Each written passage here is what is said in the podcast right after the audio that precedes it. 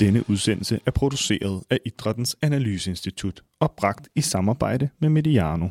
Formatet Sport og Perspektiv udkommer fremover fast på Mediano 2. Rigtig god fornøjelse.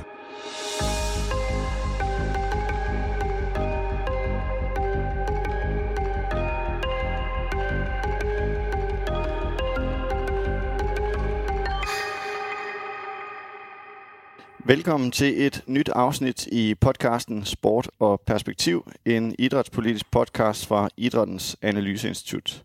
Mit navn er Stanis Elsborg, og jeg er vært på dagens program, som skal handle om mediernes rolle og ansvar i forbindelse med det kommende VM i Katar 2022. Med mig i dag har jeg to gæster. Den ene er Frederik Lausen, uddannet journalist og i dag sportschef på TV2. Velkommen til, Frederik. Tak skal du have. Dagens anden gæst er Christian Heidi Jørgensen, mangeårig journalist på Politiken, hvor han i dag er sportsredaktør. Christian Heidi Jørgensen har været med tidligere her på kanalen i vores serie om journalistik i sportens skygge. Det var i afsnittet med titlen DBU's afskedsgave. Velkommen til, Christian. Tak skal du have. Til dagens afsnit har vi også inviteret øh, DR med, men de havde desværre ikke mulighed for at være med i, i dagens afsnit. DR har sammen med TV2 rettighederne til at vise kampene under VM i Katar. Men lad os komme i gang med dagens afsnit. Vi skal snakke en øh, del om øh, fodbold-VM i Qatar 2022 i dag, men jeg vil gerne lige skrue tiden øh, en del år tilbage, syv år for at være mere præcis. Der var der håndbold-VM for herre i Qatar, og øh, dækningen, dækningen af de politiske og samfundsmæssige forhold om Qatar dengang i forbindelse med slutrunden, de nærmer sig jo ikke, øh, hvad vi ser i forbindelse med fodbold-VM i år. Frederik Lausen, hvis vi starter øh, hos dig, hvad er dit bud på den udvikling, vi har set i, i mediedækningen i forhold til at omfavne de her samfundspolitiske emner også? Jamen, jeg synes jo heldigvis, at vi ser en, en større bevågenhed omkring, øh, hvor de her idrætsarrangementer de kommer til at ligge. Og det er jo i hvert fald et, et signal, tror jeg, til de store idrætsorganisationer om at, at vælge, øh, at vælge med omhu, hvilke lande man, man putter de her i. Og så kan man sige, øh, sådan set ud fra et globalt plan, så er der væsentlig stor forskel på en VM-slutrunde i håndbold og en i fodbold. Hvordan, har det, hvordan er det på TV2? Har du kunnet mærke, ligesom, at, at der også er udviklet sig en større øh, interesse måske fra brugere eller læsere om de her emner, som måske også er flyttet ind i, i redaktionslokalerne? Jeg synes jo et eller andet sted altid, at vi har forsøgt at lave en journalistisk dækning op til og omkring det, når der er store events. Det er jo desværre ikke første gang, at vi er steder, hvor vi måske, eller skal steder hen, som vi måske hellere har været nogle andre steder hen. Jeg minder om et OL i Kina lige for nylig, jeg vinder om VM i Rusland i fodbold i 18. Altså, det er jo ikke en ny ting, den her. Øh, ja, interessen udefra, øh, øh, måske især, øh, jeg, jeg er i tvivl om, det er den brede interesse, og det er ikke for, for at tale, men, men der er klart, der er nogen, der interesserer sig meget mere for det, end der har været tidligere. Men omvendt vil jeg sige, en af de ting, jeg husker faktisk mest fra, fra VM i Katar, udover hvor hurtigt de fik fyldt øh, håndboldhallerne med, med mennesker, selvom det startede med, at der ikke var nogen, det var faktisk vores egen reportage dernede fra, hvor vi var ude og lave øh, også øh, noget rigtig god journalistik, synes jeg selv, omkring de her øh, forhold for migranterne dernede. De arbejdede under op mod VM-fodbold. Christian, du har også været med i rigtig mange år efterhånden. Har du oplevet noget særligt i udviklingen af dækningen af VM i Katar, hvis vi skulle kigge specifikt på det? Hvis man kigger specifikt på øh, Katar-VM, så synes jeg, at øh, det var jo relativt lidt, der blev øh, noteret ned omkring, øh, at det rent faktisk havnede i Katar, dengang det endte i Katar. Øh, men det er jo som, som også gradvist blevet, blevet noget, som der er kommet en større bevågenhed på øh, fra, fra medier, heldigvis. Og, ja, og det er jo faktisk det er jo ikke bare en, en dansk udvikling, det er jo en udvikling, man ser i hele verden, at der er en, øh, et fokus på øh, forholdene for blandt andet migrantarbejdere, men jo også øh, homoseksuelle og, og en række andre øh, forhold i, øh, i Katar. Har det øh, været en game changer, VM i Katar, i forhold til også den større og bredere dækning af de her emner? Ja, ja og nej. Altså, øh, der er kommet, det er nok blevet, det har været en game changer i den forstand, at det er første gang, jeg har oplevet, at der er så stort et, øh, et øh, pres fra, fra læsere, og jeg kan også seere og politikere og alt muligt andet. Altså, der er klart kommet et større pres i forhold til at være kritisk i forhold til det. At vi skal tage stilling til, om vi skal afsted eller ikke skal tage afsted. Altså, jeg kan huske Orle Beijing i 2008, der handlede det om, hvorvidt at man, de kongelige skulle komme, eller, eller politikerne skulle komme, og, og hvordan det officielle Danmark skulle reagere.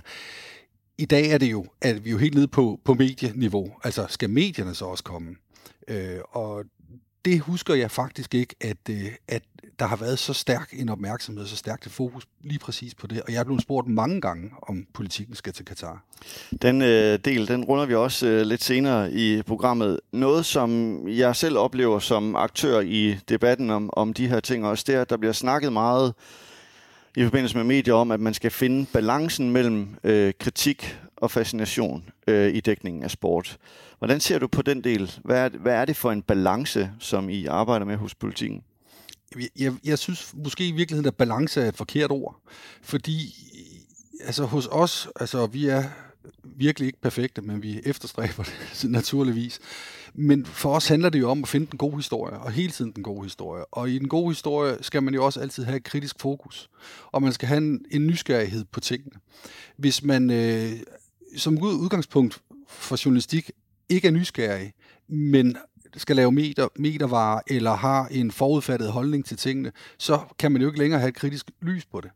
Og øh, jeg synes jo, vi skal være kritisk øh, på alt. Altså, vi gjorde det jo senest i forbindelse med Tour de France, øh, som vi jo faktisk har kørt længe. Det er jo ikke fordi, at vi har noget som helst imod, at der skal køres Tour de France i Danmark. Men vi følte, at der var en underoplysthed omkring, hvad det her det kostede, og hvad det her det krævede af Danmark for at få Tour de France. Og det blev vi nysgerrige på, og det lavede vi journalistik omkring. Og, og så jeg ved, jeg ved sgu ikke, om jeg vil sige, at der er en, en særlig balance, øh, man skal have. Jeg synes tværtimod nærmere bare, at man altid skal have de kritiske briller på, og det behøver ikke at være negativt. Altså, det kan også være en positiv historie, men man skal bare altid være så, så på redaktionen diskuterer I ikke sådan, øh, vi skal også huske at have det kritiske med? Jamen, hvis det er der. Altså, selvfølgelig gør vi det også. Altså nu, altså Katar, det er jo åbenlyst, at der er noget at forholde sig til. Så så forholder vi os til det. Og tit og ofte løfter vi jo også dynerne, han har sagt, og for at se, om der er noget, man kan forholde sig kritisk til. Det er jo en del af det. Men vi skal jo ikke lave kritisk journalistik for at lave kritisk journalistik, hvis der ikke er en historie, der kan bære det. Frederik, er det noget, I, I diskuterer øh, på TV2 Sport? Altså, at man skal finde en balance, nu kan Christian ikke lide ordet øh, balance, men øh, en vægtning mellem det kritiske og måske øh, sådan mere dækning af det selve sportslige resultat og udviklingen af en Tour de France-etappe osv. Ja, jeg, jeg er egentlig meget enig med Christian, at så kan det balance eller kan noget andet. Altså i virkeligheden handler det jo om, om, om de gode historier. Det handler jo om at føle, at man, at man et eller andet sted laver et journalistisk produkt. Det som, som øh, som vi sikkert skal snakke om mere i forhold til at være rettighedshaver på det, som, som politikken jo ikke er, øh, hvor de er mere refererende på det, der sker, hvor vi jo er en eller anden, vi er betalt for at komme ind og være med til at, at, at transmittere den her. Vi har jo ikke nogen indflydelse på, hvor det er henne. Der vil sige, selvfølgelig diskuterer vi det her, fordi det som, det, som er så væsentligt i sådan nogle øh, situationer, hvor, hvor man kan sige, hvor politik og sport bliver blandet sammen, øh, det, det er jo et eller andet sted, vi har i hvert fald ikke nogen gode erfaringer med, bortset fra faktisk det eksempel, jeg nævnte før med, med håndbold-VM i 15, men egentlig at kunne lave den her type journalistik, når man først er der. Når først eventen er gået i gang, så, så bliver det sådan noget med, hvis der sker et eller andet med nogle homoseksuelle, der bliver bortvist fra stadion, eller som i VOL i, øh, eller i Kina for nylig, hvor, hvor en, en reporter, tror jeg, fra Hollands TV blev øh, fjernet. Altså, så bliver det en nyhedsdækning af det, der ser. Så, så den gode journalistik omkring det her, skal jo laves op til. Og, og, og, og det er jo klart, det diskuterer vi jo meget. Lad os prøve at tage fat i det her med, med at være rettighedshaver. I har jo, som jeg nævnte indledningsvis, øh, rettighederne sammen med DR til at vise kampene ved det kommende VM i Katar. Er der nogen særlige krav? Altså der, jeg, øh, der foreligger jo nok en kontrakt der, som jeg godt ved, vi ikke kan gå ind i øh, alt indhold, men er der nogle krav om dækningens karakter og indhold, altså, som man skal leve op til, når man har fået de officielle rettigheder? Nej, altså det kan jeg sige i hvert fald ikke i forhold til, til, til de her ting, som vi diskuterer i dag. Altså der, der er, øh, uden jeg kan huske øh, heller ikke kontrakten i detaljer, så er der helt sikkert nogle krav om, at FIFA-sponsorer skal eksponeres før nogle andre, men, men, altså, men, men det er det eneste. Altså der ligger ikke noget krav i forhold til positive omtaler af, af værtsland eller andet. Det, det gør der selvfølgelig ikke. Og heller ikke krav om, øh, i hvilke programmer man kan øh, diskutere noget nej, eller andet. Nej, der er ikke nogen journalistiske, øh, hvad kan man sige, udfordringer lagt ned over det. Det havde vi naturligvis ikke gået med til. Godt, så øh, har vi øh, det på plads, og det øh, ved vi så jo nu også øh, frem til VM i Katar. Nu et spørgsmål til jer begge, og kunne måske starte over ved dig, Christian. Øh, har I haft en anderledes sådan, redaktionel tilgang til VM i Katar end andre store sportsbegivenheder? Altså, både ja og nej. Altså, der kommer vi jo tilbage til, øh, til det, jeg nævnte før, med det større øh, fokus, der er kommet på det. Øh, det er klart, at vi, vi føler jo et større pres alt andet lige, fordi at vi bliver forholdt konstant nærmest, øh, at der er et VM Qatar, og vi skal derned og så videre. Øh, men jeg vil faktisk sige internt på redaktionen, øh, der er det mere i fokus, der er det mere i fokus, at det er en kæmpe stor sportsbegivenhed. Og øh, der skal vi jo være, og vi skal også være der med et kritisk blik. Så vi er jo ligesom, vi er jo også drevet af lyst i forhold til at dække det her. Altså, og det særlige ved VM i Katar er jo også, at det har en historik helt, tid, helt øh, tilbage til dengang, at de fik tildelt værtskabet. Og det har jo været en ongoing historie de sidste 10-12 år. Øh, så derfor er det jo også, altså det er jo kulminationen på måske en af de største idrætsskandaler i, øh, i verdenshistorien, der kommer der starter den 18. eller 19. Øh, november, jeg kan ikke helt præcis huske det. Det er, jo det er også blevet rykket en dag. Ja, ja, ja, præcis. Men det er jo kulminationen på det, ikke? Og, og det er jo klart, at, at det skal vi jo selvfølgelig, det skal vi jo selvfølgelig være en del af, både på godt og ondt. Men øh, ser du det som noget, der har eksisteret i de her 10-12 år? Altså har du oplevet det som, som journalist på politikken, at det er noget, der faktisk har været en del af mediebilledet i 10-12 år, VM i Katar? Ja, både omkring øh, tilblivelsen af det, skandalerne i FIFA og så videre, altså det, det har jo ikke alt sammen været sådan en til en relateret til Katar, mm. men rigtig meget har jo haft afsmitning på det, og altså alt altså omkring blat og så videre. Alt har jo haft en eller anden, øh, der har også været korruption og bestikkelse og alt muligt.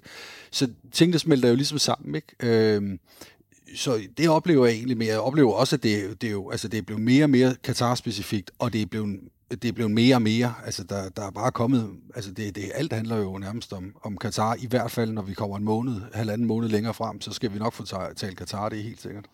Frederik, hvad med jer på, på TV2? Har Katar øh, fodbold-VM øh, haft sådan nogle andre redaktionelle overvejelser, end I tidligere har, har gjort i forhold til store sportsbegivenheder? Ja, altså, det, det, jeg, jeg vil egentlig også her sige, det er jo også, vi har jo altid, som jeg sagde tidligere, prøvet at forholde os kritisk til det journalistiske omkring det. Nu, hvis du tager de, de seneste VM i fodbold, og så har der været et i Rusland, så har der været et i Brasilien, så har der været et i Sydafrika. Altså, det er, jo ikke, det er jo ikke fordi, der ikke har været ting at tænke over i alle de lande, så, så det er jo ikke noget nyt, at vi også dækker det her journalistisk, og vi også dækker det nyhedsjournalistisk. Vi har jo i alle de slutrunder, jeg lige nævner her, også haft dygtige korrespondenter og folk med for nyhederne til at dække det. Det har vi naturligvis også i, øh, under, under VM i Katar. Altså øh, journalister, der måske har en anden kompetence ind i det her, end, end, end vores sportsjournalister har. Noget af det, jeg har oplevet i mediebilledet, både for TV2, politikken, DR, øh, hvem der måtte være derude, det er, at øh, mange af de historier, som jeg i hvert fald selv oplever og har ville støtte på, for eksempel hvis vi tager VM i Rusland, de er kommet mange år før. Altså fortællingen om menneskerettighedsforhold i Katar, øh, den mødte vi jo meget øh, senere i forbindelse med, med VM i Rusland. Har det betydning for, hvad der bliver af historier i Nuvildæk frem mod, øh, mod VM? Altså, jeg, sy- jeg synes jo grundlæggende, at man skal jo passe på med at hælde øh, alt for meget gammel vin på nye flasker. Øh, og den gamle vin er, bliver jo hele tiden et baggrundstapet i den journalistik, vi kommer til at lave fremover. Men vi kommer til at fokusere på meget af det, som der ikke har været fortalt, og nogle af de vinkler, som der ikke har været afdækket før øh, omkring VM i Katar. Øh, jeg, jeg ved ikke, om det påvirker os specielt, faktisk. Altså, det tror jeg, det tror jeg egentlig ikke. Øh, jeg, jeg vil, jeg vil, men jeg vil gerne lige egentlig vende tilbage til noget, Frederik sagde, fordi det er jo fuldstændig rigtigt, det der med, at, at meget kommer jo før kritikken kommer før, og det kommer den også den her gang. Altså, vi kommer ikke til at, at, at lave en masse kritiske serier under VM i Katar. Og det handler blandt andet om, nu kan jeg jo nævne Tour de France som et eksempel. Altså, jeg er ret sikker på, at vores artikelserie om økonomien bag Tour de France i Danmark ikke havde fået den store gennemslagskraft, hvis det var lige mens øh, Vingegaard han kørte rundt i gul trøje. Ikke? Altså, så det er også det, det handler om. Hvor er, hvor er øh, læsernes fokus for vores vedkommende, og hvor kan vi få flest muligt til at læse det? Fordi hvor, vi har jo et oplysningsprojekt. Mm. vi har jo ikke bare et projekt, der hedder, at vi skal, at vi skal vise fanen øh, for at stive vores egen ryggrad af. Men Christian, betyder det, at, at der vil være kritiske historier, I vil fravælge, fordi I godt ved opmærksomheden om Nej, overhovedet ikke. Nå. Altså overhovedet ikke. Og hvis der, hvis der, er- det er helt sikkert, at hvis der sker noget under VM i Katar, som er værd at skrive om, så, så gør vi jo det. Men det, når vi snakker om det, vi planlægger, Mm. altså, så, så er det klart, så planlægger vi jo selvfølgelig, at folk de skal vide, inden de går i gang med CVM i fodbold, hvad er det her egentlig for en slutrunde? Hvordan er den blevet til? Og, og hvilke konsekvenser har det haft for øh, migrantarbejdere og ja, borgere i Katar og alle de mennesker, der rejser derned og, og skal se fodbold osv.? Hvad er det for nogle konsekvenser, sådan en slutrunde har? Frederik, jeg har fundet en øh, artikel fra 2019, og øh, det kan jo altid være lidt vanskeligt at skal blive holdt op på noget, man har sagt for, for tre år siden, men øh, om ikke andet, så kan vi øh, øh, måske diskutere ud fra det, du sagde til journalisten øh, dengang. Der sagde du, at øh, jeg regner med, at vi dækker slutrunden i Katar både sportsligt og kritisk, som vi gjorde det med OL i Kina og VM i Rusland. Det er vigtigt for os ikke at blande sport og politik sammen. Hvad, hvad mener du i den her sammenhæng med ikke at blande sport og politik sammen? Jeg vil sige, øh, det er jo heldigvis til at blive klogere. Og, og jeg tror et eller andet sted har vi egentlig tænkt, at det nemmeste vil jo være især for en sportsredaktion og ikke blande sport. Fordi du bliver nødt til, hvis du ser på TV2 som hus, så består vi af en nyhedsafdeling og en sportsafdeling og i øvrigt alle mulige andre afdelinger. Så, så det er klart, fokuset for os i sporten ligger jo primært på det sportslige. Og, og derfor så har det også, når man skal forholde sig til det tidligere, været en følelse at have at sige, jamen, der er nogen, der tager sig af det politiske, og nogen, der tager sig af det sportslige. Og det er jeg egentlig enig med det, du også sagde indledningsvis, at, at interessen for det her og, og trykket på os som medier er naturligvis, og det tror jeg kun er godt, er vokset. Der bliver stillet større krav til os, hvordan vi forholder os til det her. Derfor tror jeg ikke, at, hvad kan man sige, i gåsøjne, øh, undskyldning om, at man ikke skal blande sport og politik sammen, den anerkender, jeg- anerkender jeg ikke eksisterer længere, fordi det, det er det bare blandet sammen i et, øh, i et stort virvar, og det bliver vi nødt til at forholde os til. Betyder det, at man altså vil kunne opleve dækningen af det på alle jeres kanaler? Altså, det vil ikke være sådan, at man for eksempel primært på News beskæftigede sig med det politiske, og TV2 primært med det sportslige? Nej, det, altså, men igen, øh, jeg tror, Christian og jeg, vi, vi er 100% enige om det der, hvis du skal lave noget ordentlig journalistik, så handler det om at lave det op til en event. Lige nu er vi i gang med at lave et dokumentarprogram sammen med vores dokumentargruppe i TV2 om Katar, som forhåbentlig bliver til noget, men det er jo med sådan noget, sådan noget, det ved man jo ikke altid bliver til noget, fordi omvendt må man også sige, at der er rigtig mange dygtige journalister, der har dækket det her i lang tid, så, så chancen for, at politikken eller TV2 falder over noget, der er helt nyt, ingen har hørt om før, den er måske ikke kæmpestor. Altså, det, det, det kan ske, men den er, ikke, den er måske ikke kæmpestor. Det er en ting. Vi har allerede et site inde på sporttv2.dk, der hedder VM, hvor der jo også er forholdsvis mange artikler om den kritiske element i VM. Lige nu er de faktisk i overvægt i forhold til de andre artikler.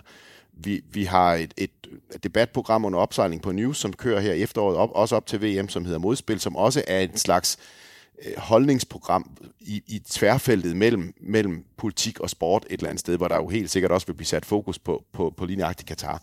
Så jeg vil sige, det, det er lidt de indledende ting, og så når man står i slutrunden, så, så er det ikke fordi, jeg siger, så glemmer vi alt om menneskerettigheder og alt muligt, og så er det bare fodbold, og nu kan vi bare tage klarpatten på. Det er ikke sådan, det er, men, men, men vores egentlige journalistiske arbejde i forhold til i hvert fald det mere dokumenterende journalistik skal laves op til, og så bliver det det mere refererende nyhedsborgen journalistik, der bliver lavet under. Og det tror jeg, alverdens medier, der vil være til stede i Katar, et eller andet sted kommer til at gøre, hvis der kommer nogle skandaler, som i, igennem vestlige øjne vil være farlige omkring homoseksuelle eller migrantarbejdere eller andet.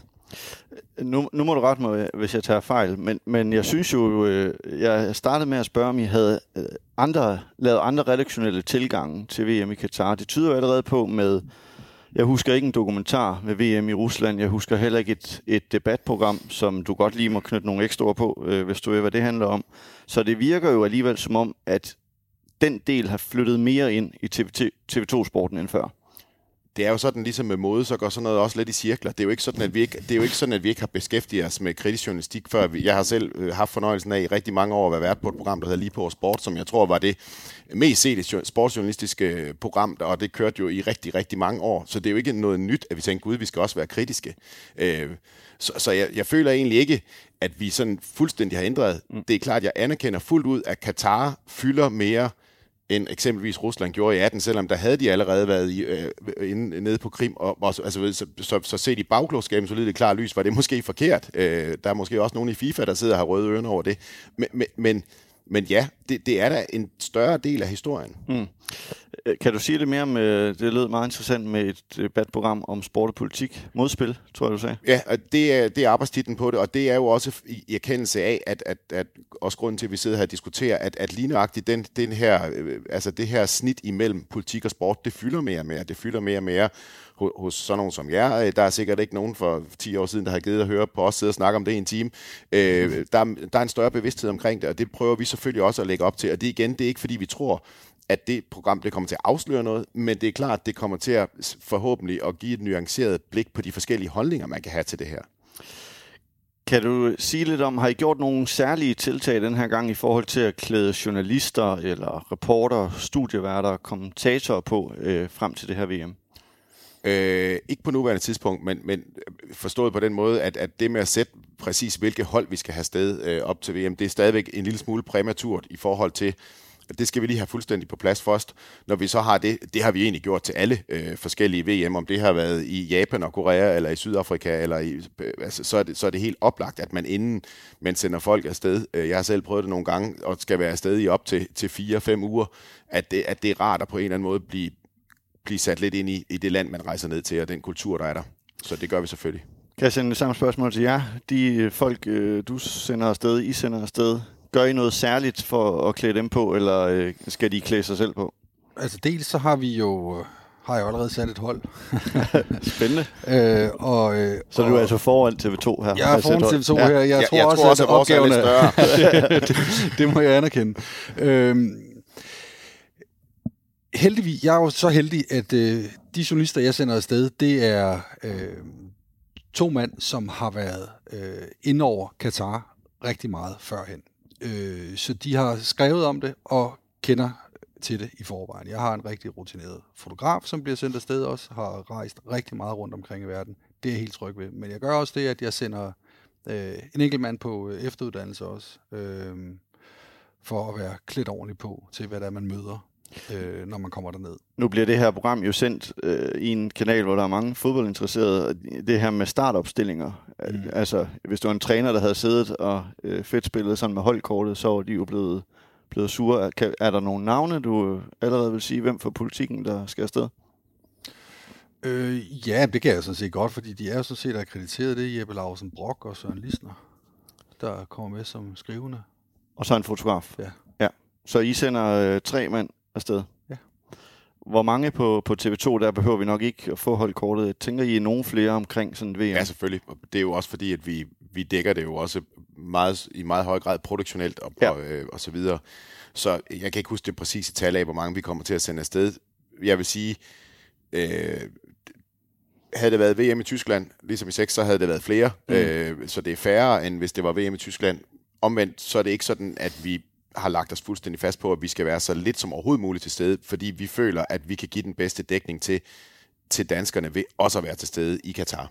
Sender I journalister med sådan en, altså andre stofområder end, end sport? Altså kunne det være øh, udenlandskorrespondenter fra TV2? Ja, som det var også... det, jeg sagde tidligere. Det, ja. det, det gør vi. Altså lige nu står Rasmus Tandhold på hold, holdkortet, og igen, ligesom når en træner sætter et holdkort, så selvom han er en, en spydspids på TV2 i det der, så kan det jo være, at der er noget i verden, der måske er vigtigere øh, på det tidspunkt, så, så man ved jo aldrig, hvor det ender, men, men det har vi i øvrigt gjort til, til alle de sidste mange slutrunder, der har været mange VM-slutrunder, og det er jo lige meget, det, det gjorde vi sådan set også i VM i Tyskland, det gjorde vi også i Sydafrika, det gjorde vi også i Brasilien. Så det, der gør vi egentlig bare det, vi plejer at sige. Det, det er fint at have nogen, der, der har øh, det øh, syn ind i eventen, før den starter øh, og undervejs, og så er nogen, der måske har mere sportsligt syn på det. I gjorde det jo også i forbindelse med, med vinter i Kina, med er det Christina Christina Bautrup, jo. Ja, som jo øh, har særlig ekspertise også specielt øh, om Kina. Øh, Christian, jeg kunne godt lige tænke mig at, at snakke lidt om sådan noget med kilder i forhold til, til VM i fodbold. Hvordan er adgangen til DBU, FIFA, spillere, hvad det måtte være, øh, i forhold til sådan en slutrunde? Altså, den er jo som udgangspunkt ikke særlig god. Altså, vi kan jo starte med de store fodboldforbund. De kommunikerer jo allerhelst øh, via pressemeddelelser. og øh, vi, altså, jeg vil næsten sige, at det er jo en vane, at vi efterhånden skriver, at, øh, at øh, det var ikke muligt at få en kommentar fra FIFA, før vi har fået svaret fra FIFA. Fordi det ved vi, at det er det, der sker. Og når, så bliver vi glædeligt overrasket den gang 1 ud af 10, at øh, der rent faktisk kommer en respons. Øh, det er rigtig svært at få dem i, i tale. Øh, DBU er lidt en anden sag. Øh, heldigvis har vi i Danmark en tradition for et, øh, en noget mere åben idrætsverden. Ikke at det altid er let, men øh, jeg synes at jeg synes ikke at det er sådan at vi skal vi skal virkelig skal kæmpe og slås for at få holdninger for, for DBU. Og så er der jo igen fodboldspillerne som jo er en svær størrelse. Øh, og selvfølgelig skal de spørge os, og de er også blevet spurgt i, i, af politikken, og det vil de sikkert også blive igen. Men det er jo en svær størrelse, fordi det er jo ikke fodboldspilleren, der har valgt, at øh, VM i Katar øh, skal øh, ja, at FIFA har lagt VM i Katar.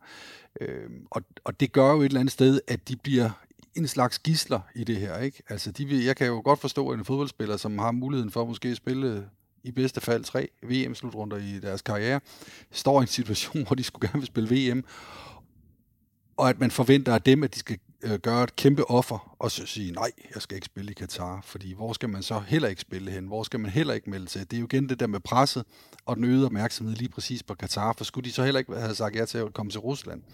eller OL i Beijing. Øh, du er ved at lege journalisten, der stiller spørgsmål. nej, nej, nej, nej, men det er bare for ja. at sige, at, at øh, men jeg oplever jo et eller andet sted, at vi kan jo stille spørgsmål, og, og, og vi, kan jo, vi, kan jo, vi kan jo ikke styre, hvad en spiller siger, svarer, og vi kan jo sådan ikke styre, men, hvad, hvad DBU svarer, men jeg synes, adgangen er okay. Altså. Gør I overvejelser om det der, hvornår en spiller skal stille sit spørgsmål, eller ej? Jeg oplever jo, at de, det vi kunne kalde de kritiske spørgsmål, Ja. De øh, har jo på en eller anden måde også trængt sig ind i for eksempel mixzone lige efter en kamp. Ja. Så skal Josef Poulsen forholde sig til, hvordan det nu var at kvalificere et hold til VM, eller hvad det nu var, han blev spurgt om. Ja, nu, nu, er, nu er det er ikke repræsenteret i dag, men jeg vil da gerne nævne et, øh, et, et, et, præsent eksempel for mig med Andreas Kravl for DR, som jo lavede et, øh, et interview med øh, Christian Eriksen efter øh, efter, øh, da han kom tilbage og gav sit første interview, det var i januar måned, så vidt jeg husker hvor, øh, hvor DR fik rimelig meget røg for, at de ikke havde spurgt kritisk ind til Katar. Ikke? Altså, hvor jeg så tænker, jamen det er jo ikke det, historien handler om her. Her handler historien jo om, at vi har en mand, der er kommet tilbage efter at have været død, og nu for første gang øh, sætter ord på, hvordan det har været, og hvad, hans vej tilbage. Så synes jeg måske, at det er, altså, er det der, man skal stille spørgsmålet, Hvad med Katar? Vil du ikke lige forholde dig politisk til det? Øh, det synes jeg ikke er det rigtige forum. Og det er jo hele tiden, altså har du historien, øh, har du det rigtige forum, fordi ellers kan du, altså, så kan du hele tiden skyde øh, journalister i skoen, at vi skal spørge dem hver evig eneste gang. Øh, der skal jo ligesom være en substans i det, man spørger om. Øh, og, og en anledning til at, at stille spørgsmålet. Og det synes jeg altså ikke altid, der er. Men kunne sådan en kritik ikke også komme af, at man som seer og øh, forbruger oplever, at de spørgsmål i meget lille grad er blevet stillet? Jo, det kan du, det kan du, det kan du godt mene, altså, men det er jo, det er jo en vurderingssag. Altså, jeg synes, vi har, vi har stillet spørgsmål, øh, og vi har også lavet artikler om, om det. Øh, og altså, det er, jo, det er jo også et eller andet, vi skal jo, vi skal jo gøre op med os selv, hvad vi vil bruge vores ressourcer på. Og hvis vi har en formodning om, eller har hørt, eller de siger, at ah, det ved de ikke, eller et eller andet, skal vi så blive ved med at rende rundt og holde mikrofon og stille dem det samme spørgsmål? Hvad er det for en historie, vi så vil skrive? Så kan vi skrive 500 historier om, at øh, det gider de egentlig ikke snakke om. Men vi har jo også oplevet, øh, og nu trækker jeg jo et, et eksempel frem, som jeg for eksempel har krediteret TV2 en lille smule for. Altså vi har jo øh, i en lang årrække haft håndboldspillere, der har spillet for en klub ejet af Katar. Men mig bekendt er de, er de spillere jo Mikkel Hansen, Henrik Toft Hansen, øh, jo ikke rigtig blevet stillet de spørgsmål. Så det, når Christian Eriksen så sidder foran mikrofonen, synes jeg jo godt, at øh, jeg vil tage dem, der har kritiseret, det er så ikke mig selv, der har kritiseret det interview, at lejligheden til nogle gange at få de her folk i tale, er jo heller ikke så stor. Og det er måske TV2, der skulle Jamen, jeg tror godt, jeg vil være endnu mere direkte end Christian i det der. Jeg forstår øh, til fuldt ud spillerne. De er sat i en, i en virkelig vanskelig situation. De har ikke selv valgt det. Jeg er faktisk rimelig træt af at høre på alle dem, der sidder oppe i deres elfenbenstårn og mener om, noget om, hvordan man skal stille spørgsmål, øh, og hvem der skal spørge som hvad. Jeg, jeg synes, at man til en vis grad, det kunne være rigtig fint, hvis spillerne kvæg deres anfører eller et eller andet, havde en holdning til Katar eller DBU. Men jeg synes også, at vi må respektere dem, der ikke har nogen holdning til den, i hvert fald ikke en officiel holdning. Og jeg synes ikke, i modsætning til, hvad man fornemmer nærmest nogle gange i den her debat, at dem, øh, uh, dem med de store kugler, de stiller sådan en rigtig fræk spørgsmål om Katar. Jeg synes ikke, det er, det er ikke god journalistik i min bog. Et stille spørgsmål, som du udmærket godt ved, ingen gider svare på, og som måske ikke har nogen relevans. Noget andet er, hvis der sker et eller andet undervejs, i eksempelvis en VM-slutrunde. Lad os forestille os, at nogle danske fans har et regnbueflag med og bliver smidt ud af stadion. Det er jo noget andet. Men, men at skulle stå der hver eneste gang og spørge om nogen, fordi der sidder nogen på Twitter og synes, at det skal man, det, det, det, det er heller ikke det, jeg opdrager vores journalister til at gøre. Godt. Jeg sidder jo for eksempel på Twitter. Øh, hvis der sidder tager, rigtig meget. Ja, hvis vi nu tager eksemplet med, med håndbold, som jo også er noget TV2 lever af. Det er jo et produkt, I har haft Øh, der, har I ikke på et tidspunkt haft sloganet hele Danmarks øh, håndbold hjemmebane? Noget den. Hele Danmarks hjemmebane. Ja. ja. Øh, så I lever jo også af håndboldproduktet. Øh, jeg har ikke kunne finde, modsætning til VM i Katar i fodbold, der har jeg ikke kunne finde ret mange kritiske. Faktisk vil jeg sige, at jeg kan næsten ikke finde nogen kritiske vinkler på danske spilleres øh, engagement i Paris arrangement. Det skal jeg ikke kunne sige. Og, og, og et eller andet sted, det kan sagtens være, der ikke er det. Øh, det er i hvert fald ikke, fordi vi ikke har en kritisk håndboldredaktion. Det tror jeg godt, at folk, der følger med det, ved, at det har vi sådan set også en, en rigtig dygtig journalistisk håndboldredaktion. Øh, jeg, jeg, kan ikke, jeg skal ikke sådan sidde og, og, og på en eller anden måde sige, det, Men nu, nu kritiserede du dem, der sad i elfen med nej, ja, nej, du spurgte også før, nu præsenterede du os som journalist og sagde til Christian før, skal du blande dig i det, fordi du er jo for eksempel en meningsdanner i det her øh, billede. Mm. Og du sidder man kunne også spørge dig og sige, hvor er det okay at afvikle VM i fodbold? Hvor skal, hvor skal vi trække grænsen? Hvilke klubber er det okay at spille i? Fordi det, det jeg egentlig siger, det er, at det er meget nemt at sidde og i virkeligheden kun have alle de rigtige holdninger, men ikke egentlig ikke selv være med til at trække grænserne. Det okay. er det, som jeg vil opfordre til at sige. Det kunne være rart at vide, hvor står I i forhold til events. Hvilke lande er okay, og hvilke lande er ikke okay? Hvem, hvilke, hvilke parametre skal et eller andet sted definere? Her er det okay at spille VM, her er det ikke okay at spille VM. Det samme i hvilke klubber må man spille. Må man spille i Manchester City, eller må man spille i Paris Saint-Germain, eller må man kun spille i Sønderjyske, øh, efter de har fået nye eller hvad må man?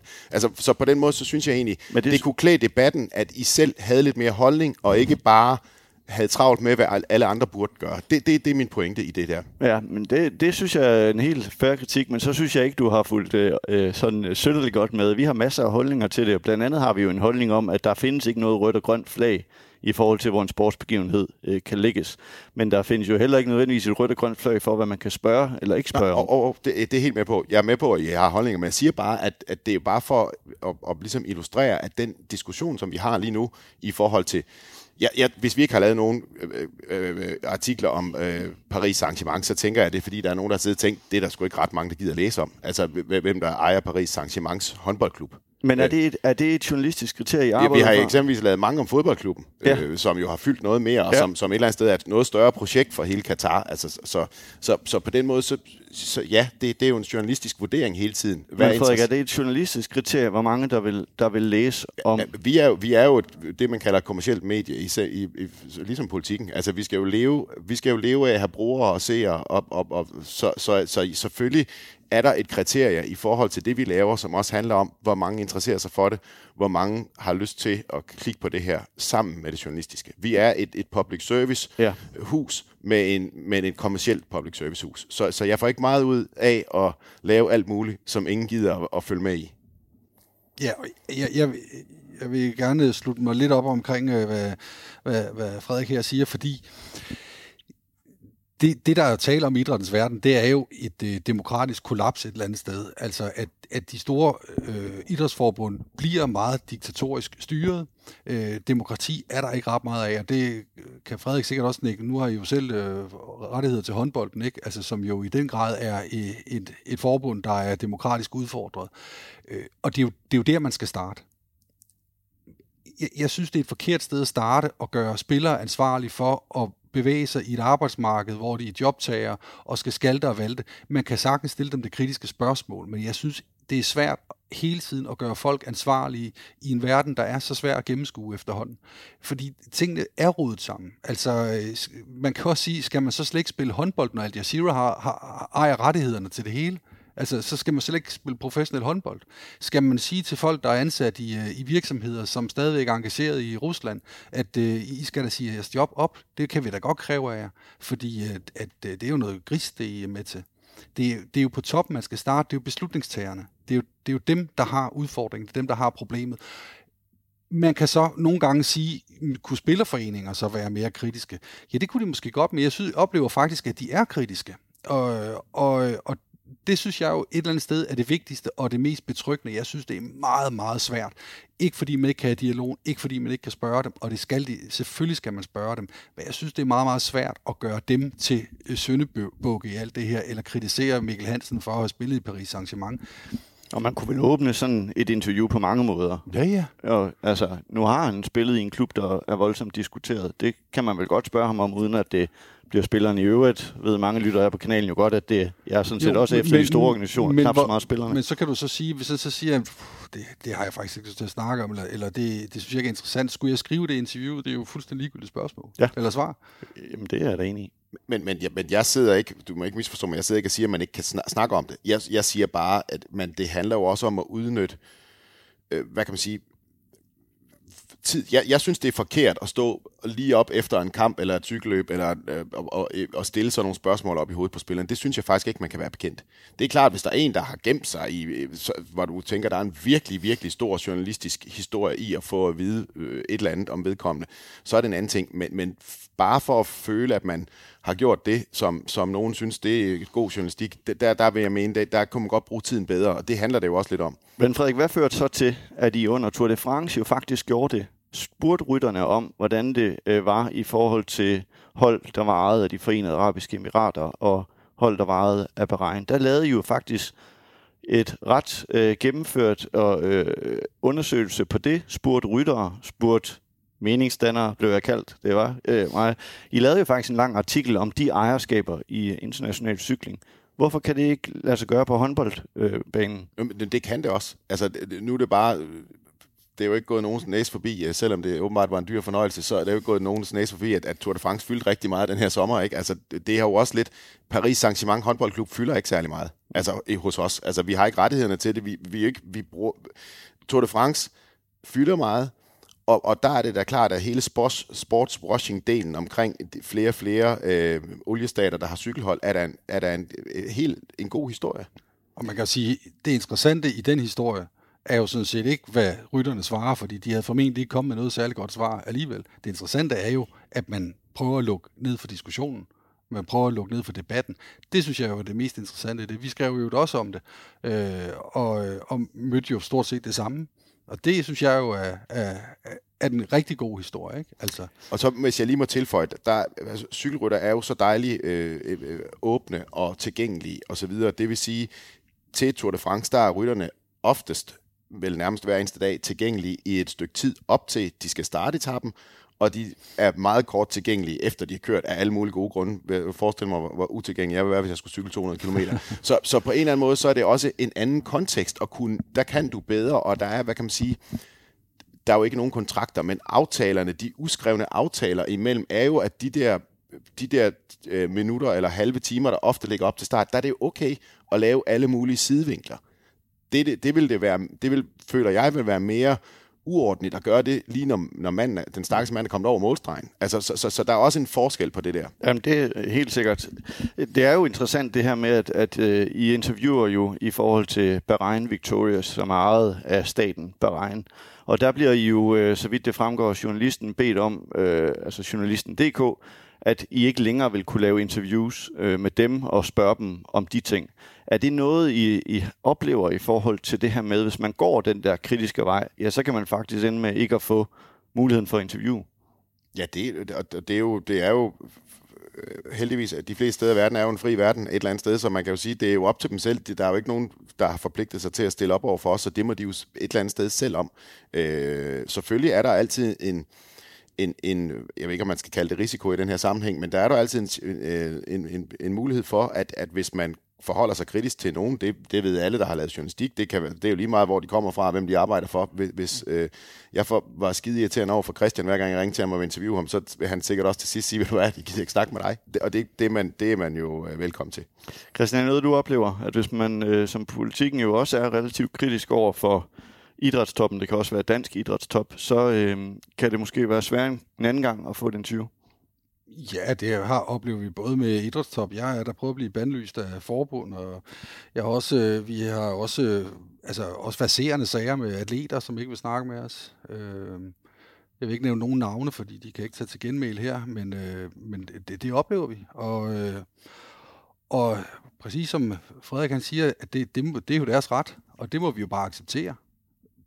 Vi synes så nogle gange, at det, at det er lidt underligt, og, og at vi synes, at det er jo en, at vi har jo fat i en oplagt, interessant problemstilling her, som jeg synes, at de burde svare på, men, men vi er jo ikke her over det. Jeg kunne godt tænke mig lige at øh, blive lidt øh, ved DBU, og for den sags skyld faktisk også blive ved TV2. Den 31. maj øh, i år, der bringer TV2 en klumme fra DBU's direktør Jakob Jensen med titlen 2022 bliver et stort fodboldår. Og det er en del af et samarbejde mellem TV2 og DBU, som kaldes DBU har ordet, hvor det, som det fremgår af artiklerne, er DBU har ordet, så indholdet bliver ikke redigeret fra TV2 Sports side. Det skabte en øh, del kritik, øh, også øh, fra undertegnet igen, øh, men også fra Asger Hedegaard Borge fra Weekendavisen, som til journalisten.dk udtalte, det stiller nogle spørgsmål i forhold til, hvad man egentlig bedriver fra TV2 side her. Er det journalistik eller PR? Og det er nok et sted midt imellem, mener han. Det skal så nævnes her øh, meget retfærdigvis over for TV2, at jeg jo faktisk er blevet kontaktet og øh, spurgt ind til en klummeplads, og den dialog er vi jo så i gang med nu. Øh, men Frederik, kan du forstå den overordnede kritik, der kom på bagkanten af den klumme?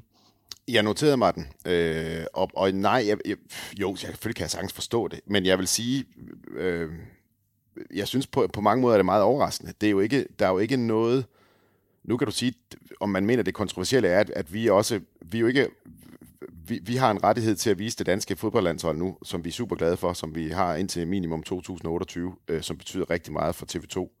Øh, øh, og derfor så har vi jo selvfølgelig også et, et samarbejde med, med DBU, selvom det ikke er dem, vi har købt rettighederne af. De har solgt deres rettigheder til UEFA. Øh, at man inviterer ind til øh, en samarbejdspartner kan have ordet. Det, det her det er, jo, det er jo planlagt til, at der er forskellige personer i DBU, der kan skrive noget ind på tv2.dk det er jo min, min drøm, at Kasper Julemand eksempelvis vil være en af dem, der vil bidrage til det en gang imellem. Peter Møller måske vil være en af dem, der vil bidrage til det. Noget, jeg egentlig tror kunne være interessant. Det, der er vigtigt for mig, det er egentlig, at det var deklareret. Altså, og det er det her jo, som du henviser til, klart og tydeligt. Det, det pågår klart og tydeligt, hvad aftalen er omkring det her. Og så når, når jeg ser det i den kontekst, så har jeg egentlig lidt svært ved at forstå den voldsomme, øh, den voldsomme reaktion på det. Altså, der er øh, øh avisen, som Christian han, øh, øh eller Asger, som du henviser til, øh, øh, de lever jo af opinion i langt stykke hen ad vejen med forskellige ting, med folk, der får stillet noget til rådighed. Selvfølgelig er der en eller anden redaktionel ting, og det er klart, at, at den, den, den artikel for DBU bliver jo også kigget igennem, hvilket der jo også fremgår af varedeklareringen i forhold til, at de skriver noget, der, der er helt ind i hegnet, hvad jeg ikke tror, de kunne finde på. Men, men forstå mig ret. Så mm. det, er jo ikke, det, er jo ikke, det er jo ikke meget anderledes end en kronik eller en, en opinion i en avis. Så nej, så, så på et eller andet plan, så føler jeg lidt, at, at at det var en, lidt en storm i et glas vand, og måske var det, fordi vi faktisk har været meget, på TV2 har vi jo en, en, en, øh, en politik om, at vi ikke gør rigtig meget af det her opinionsting. Men, men omvendt er det jo også en måde at højne debatten på, hvis man vil. Så, så derfor synes vi, det var en god idé, og derfor synes vi, man kunne måske få noget indsigt ind i, hvad kan man sige, hele samspillet omkring et fodboldlandshold, som man ikke nødvendigvis vil få, hvis man lavede det journalistisk. I, i samme artikel, der øh, medgiver redaktionschef på TV2, Christian S. Josefsen, at DBU's klumme fungerer som PR for DBU.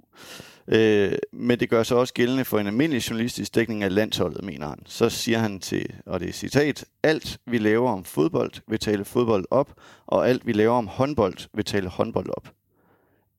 Er det TV2 journalistisk job at skulle tale en sportsgren op? Nej, det, jeg, jeg, vi kender også Christian godt nok til at øh, sige, at det han et eller andet sted, det er klart, vi, når du har en rettighed, til, en, en rettighed til noget, så er jeg jo ikke interesseret i, at der er færre, der begynder at interessere sig for det. det men men vi, jeg synes, vi faktisk har bevist i, igennem de øh, mange år, TV2 har eksisteret, at man godt kan balancere øh, rettighedsjournalistik og, hvad kan man sige, almindelig, rigtig øh, også øh, kritisk journalistik samtidig. Så, så, så, øh, så øh, et eller andet sted, du har jo også selv fået mulighed for at skrive en klumme. Det er jo ikke sådan, at vi tænker, at det er kun dem, som, som roser os helt vildt, og som vi har et samarbejde med, der må det. Jeg tror egentlig, nuancerne i, også inde på vores øh, gratis platform, som i modsætning til, til, som er gratis for folk at gå ind på, som der er en kæmpe, kæmpe mange brugere på, altså, øh, jeg tror, at det kunne være med til at højne debatlysten, at man i gang imellem bliver mødt med noget, hvor, hvor opinion fylder lidt mere, end det måske har gjort tidligere. Så det er egentlig tanken med det. Christian, hvad tænker du om, øh, om at give DBU den her særlige spalteplads? Fordi som udgangspunktet var det jo øh, DBU, og min kritik dengang, skal jeg sige, gik jo på, at øh, jeg var uforstående over, at det ikke stod så tydeligt frem, at der ville komme andre øh, klummesprøver, hvad, hvad vi så hører, der gør. Altså, på linje med det, Frederik siger, så er der jo ikke noget unaturligt i, at, øh, at der er nogen, der laver opinionsstoffer. Som han også siger, så har vi jo en forretning i at gøre, at gøre det. Der, hvor jeg synes, at øh, TV2 ender i at have et problem, og det er sådan min egen undren, det er, at jeg synes, at TV2 i det her eksempel gør sig selv sårbare i forhold til kritik, når de starter med at, at give øh, mikrofonen, havde jeg sagt, men spalten til det, der er en partner i et, hvad jeg vil kalde et fuldstændig ufarligt festskrift. Altså, det, man kunne lige så godt ikke have bragt det. Hvis det havde været noget, der havde haft kant, noget, der havde haft en skarp holdning, men det, at det er så, øh, så ja, ufarligt, så, så, så synes jeg, at det, at det der, det får en eller anden præg af, at nu laver vi skulle lige PR, nu får de lige lov til at fortælle om, at øh, det bliver bare et super fodboldår der, og I skal bare ind og se nogle kampe, og det, vi glæder os, og vi glæder os det, det, det, det, jeg faktisk synes, problemet er, fordi man gør sig selv sårbar fordi præcis den kritik, der så kom efterfølgende.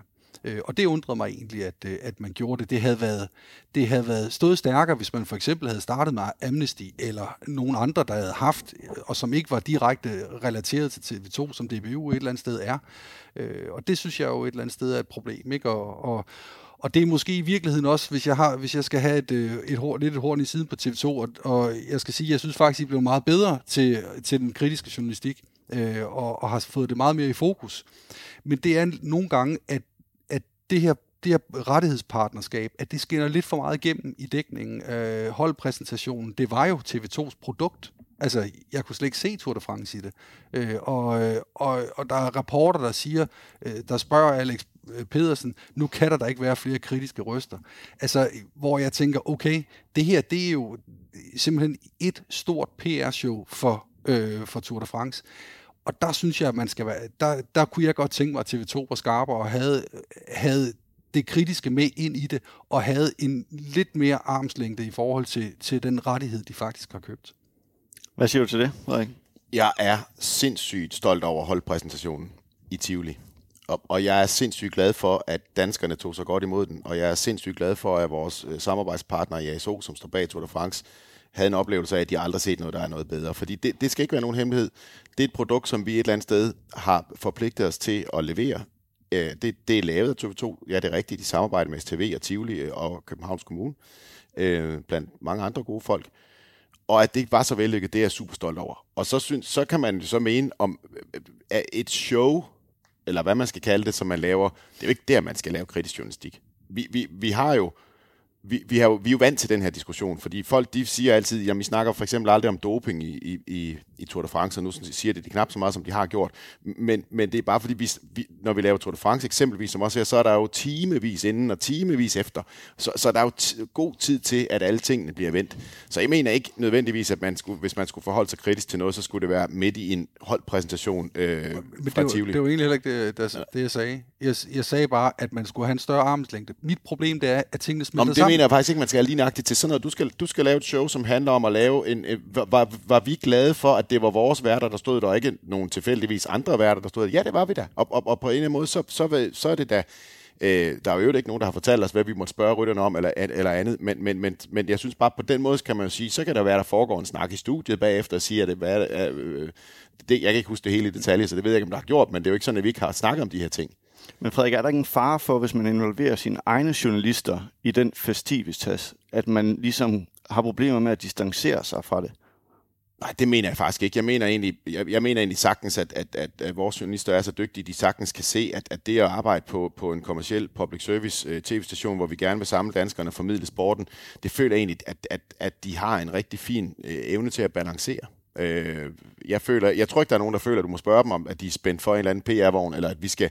Men, men alle ved jo godt, at, at, at hvis man har en rettighed, man har investeret rigtig mange penge i osv., så vil man jo ikke forsøge at tale den rettighed ned, som også er det, som, øh, som Christian Josefsen siger. Det, det, det ligger jo i, i, altså det er der, hvor vi er meget forskellige for, for politikken eksempelvis, eller andre medier, som, som, som jo selvfølgelig bedriver deres journalistiske virke ud fra, øh, fra, fra en anden vinkel, hvor, hvor vi, vi går jo ind og er i partnerskab med noget. Øh, og, og, det, og jeg håber, og jeg ved, øh, og jeg tror, at, at vi er og har rigtig mange dygtige journalister, som også er meget kritiske ind i de forskellige øh, øh idrætsgrene, som vi har en stærk øh, connection til, øh, på trods af det, og, og, og man jo et eller andet sted slås på daglig basis nærmest med folk, som Christian siger, der ikke vil tale med os, fordi de synes, vi gik over stregen osv. Så, så, så, så, så jeg føler egentlig, at, at, at et langt stykke hen ad vejen, så, så er balancen rigtig fin, og vores dygtige journalister kan også godt, øh, ved også godt, hvor den er henne.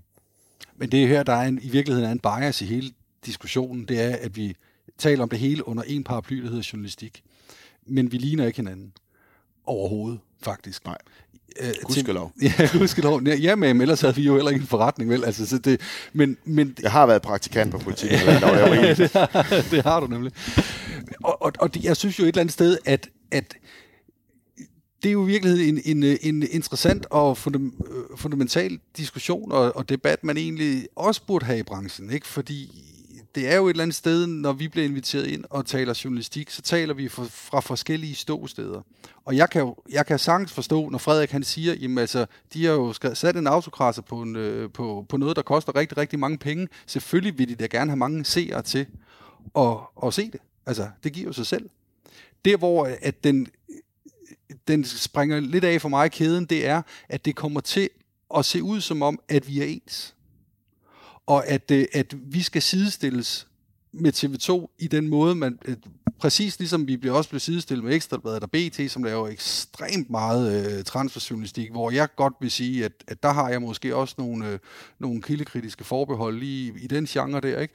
Øh, og, og sådan er det jo også. Altså, jeg har jo også nogle forbehold, når for eksempel Ritter og, og, og, og Rolf, de øh, står med en Tour de France-mikrofon lige pludselig i noget PR. Altså, for mig er det totalt fremmed i altså den verden, jeg lever i.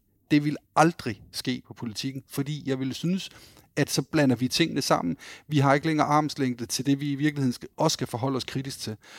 Og, og, og jeg forstår udmærket, men jeg, jeg synes også, at det, er, det, det må være et dilemma, I står i. Altså, hvor der, må, der skal jo være en eller anden form for grænse, fordi ellers så, øh, så flyder tingene jo sammen. Og det er jo egentlig det, der var min pointe omkring det med, med holdpræsentationen. At tingene flyder lidt sammen. Jeg kan ikke længere skælne, når så bliver de brugt der, nu bliver de brugt der, nu er de i et andet sammenhæng her, og nu er de, altså hvad er de egentlig? Er de PR-folk, der skal præsentere noget i samarbejde med en partner? Er de øh, uafhængige, frie journalister? Hvad er de egentlig? Og det, har jeg, det, det er der, jeg har meget, meget svært ved at afkode, hvad det egentlig er, der foregår. Frederik, vil vi se øh, lignende af den her sammenblanding, sammensmeltning, som Christian ikke helt kan, kan tyde i forbindelse med for eksempel et VM i Katar?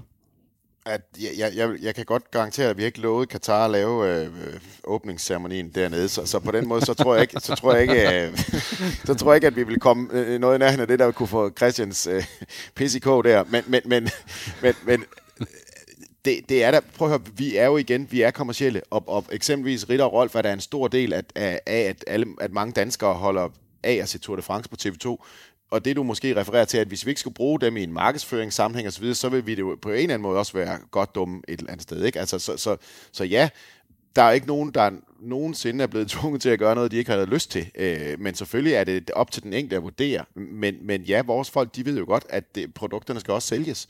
Øh, men synes du, at, synes du, at TV2 øh, under Tour de France har skældnet om den her famøse balance, vi snakkede om tidligere fra PR-journalistik og så den kritiske journalistik? Eller har, er Tour de France i overvejende grad PR?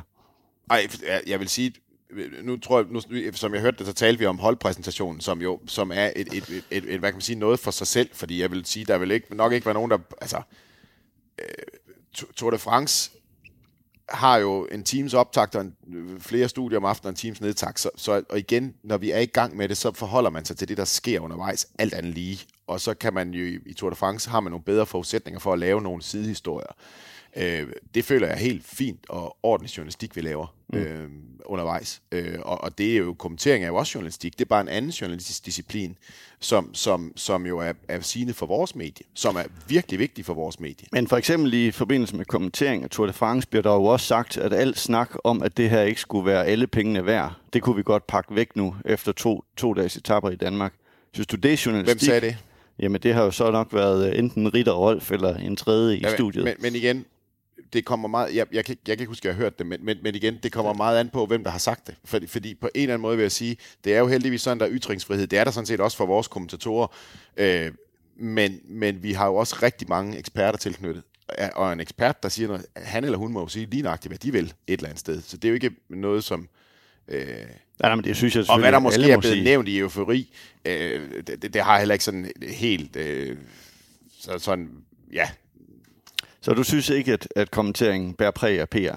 Nej, det synes jeg ikke. Jeg synes Men... absolut, kommentering, altså kommentering af, af Tour de France er der noget af det, der er allermest stolt over øh, øh på TV2. At, at tage et noget, som nær, var nærmest ukendt. Der var gode gamle Mogens Jacobsen fra, fra politikken, der i sin tid fulgte med lidt i, i, i Tour de France og, og Henrik Juhl, og så på, på information. Og så var der ikke så mange andre, og TV2 har taget det og gjort til noget, hvor der nu sidder over en million og ser, øh, når Jesper Vingegaard kører ind. Det, det handler der i meget høj grad om dækningen og kommenteringen og forædlingen af cykelløbet. Og det er da noget af det, jeg er allermest stolt over. Bruger oftest Tour de France som eksempel på, hvordan kan vi finde på noget nyt, som var så lille, som Tour de France var, da TV2 begyndte at tage det ind i Danmark og, og, og gøre noget ved forædlingen. Og så, så, så nej, det får du mig slet ikke til at føle mig. Jeg mener ikke, det er PR. Jeg mener, det er dygtig, dygtig, dygtig formidling. Christian? Og, og det er det, jeg måske gerne vil tale om balance så. Fordi, og det er det der armslængde, og det jeg nævnte før, fordi jeg synes, havde man haft det kritiske blik for eksempel på arrangementet, de tre dage cykelsport i øh, Danmark, at det også kom med en pris. Det kom med en øh, politisk lukkethed, øh, underestimering af, af, hvad det koster, oppustede tal, øh, og alle de her ting, havde man også haft det, så var det nemmere for mig at se. Altså, og jeg følte mig super godt underholdt af, af cykelløbet. Det er slet ikke det.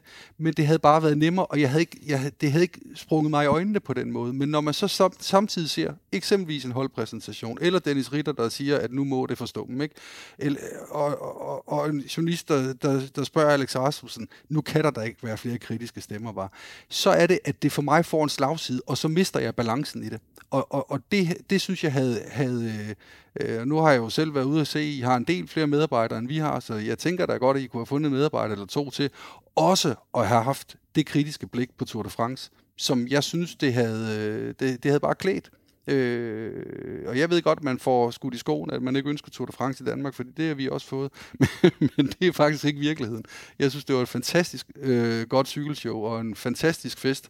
Jeg synes bare, det er vigtigt, at vi som borgere og som public, øh, eller med den publicistiske forpligtelse, vi også har, også oplyser vores læsere og seere om, at det koster faktisk noget, det her.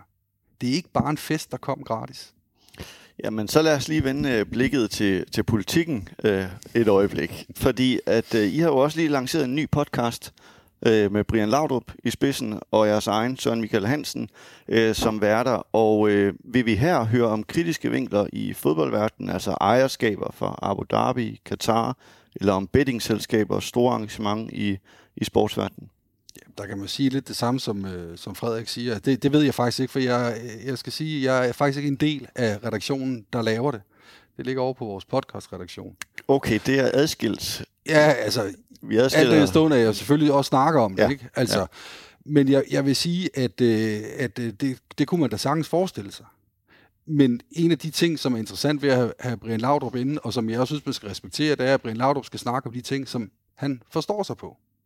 Og, øh, og det kan jeg jo godt forstå, at hvis man skal bære en podcast, så vil man gerne betinge sig, at det, man skal snakke om, er noget, man forstår sig på.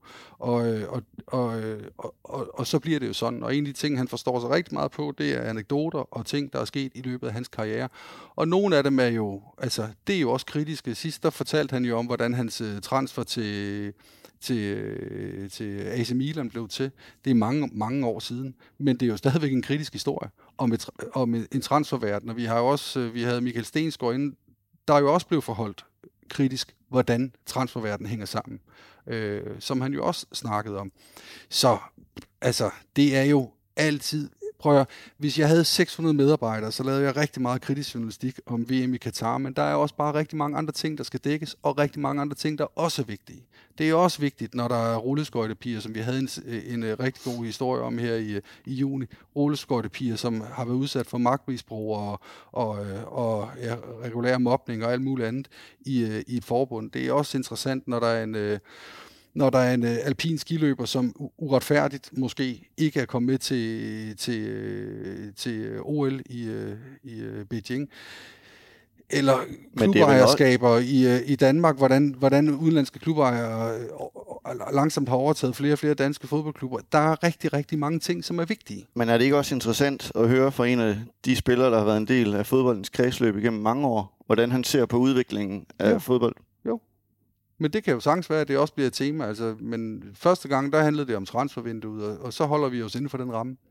Godt. Man kunne sige, hvis du nu synes, nu har du selv et medie, hvis du synes, det var så interessant, så kunne du invitere ham ind og spørge om det. Ikke for at sige, at, at, at, at, at jeg skal sidde og sige, hvem der skal stille spørgsmål, men jeg er helt enig med Christian. Man, skal jo, man laver jo en eller anden form for øh, aftale, forståelse af, at det, du gerne vil snakke om, det er jo en helt almindelig, om den er skrevet ned eller ej, kontrakt, man laver med, med nogen, hvor man siger, det vil jo være at være rigtig uordentlig og invitere en kapacitet som Brian Laudrup ind, og så stille, stille ham spørgsmål, som han vil komme helt bag på ham. Altså, det er jo ikke, fordi man ikke siger, at man skal sige det. Det er bare så nemt at sidde og sige, hvorfor spørger jeg ikke om det, hvorfor spørger jeg ikke om det, hvorfor spørger jeg ikke om det.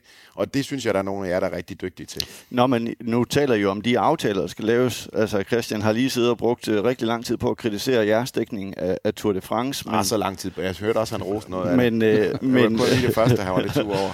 Men, men, den, men den aftale må vel også have et journalistisk udgangspunkt, som ikke handler om, at man ikke tør prikke på noget af det, der gør ondt. Men, eller? men, men det, jeg, jeg ser jo stadigvæk, det kan jo være, at man siger, det må være nogle andre, der laver journalistikken i det. det jeg, jeg synes jo, fascination, det er jo, en, det, det er jo en del af at bygge sådan noget op. Altså, øh, jeg vil våge påstå, at der vil være flere øh, lyttere til jeres podcast, øh, øh, hvis Brian Lauder fortæller noget om anekdoter og sin tid, og også det kritiske i fodboldverdenen, end hvis han skulle sidde og snakke om ting, han grundlæggende følte sig utryg ved at snakke om. Så, så sådan, sådan er verden jo også skruet sammen. Ja, ja, og det er jo ikke anderledes, end når vi ringer til en ekspert, så, eller, altså en journalist fra vores redaktion ringer til en ekspert, så stiller vi jo masser af spørgsmål, og vi hører jo også nogle gange svaret, der kommer jeg sgu lidt på glat is. Men så skal vi jo ikke afkræve vedkommende svaret. Og, og, det er jo, og, det, og det synes jeg jo er fair nok, at, øh, at, der er, at der er kilder, der sætter en grænse for, det her vil jeg gerne snakke om, det her vil jeg ikke snakke om. Og, og, og det ser man jo alle steder. Og Men, det, det, er jo, det er jo en del af den kontrakt, du har mellem en interviewer og den interviewede person. Og det er noget andet, når det er et kritisk interview. Mm. Så er det noget helt andet.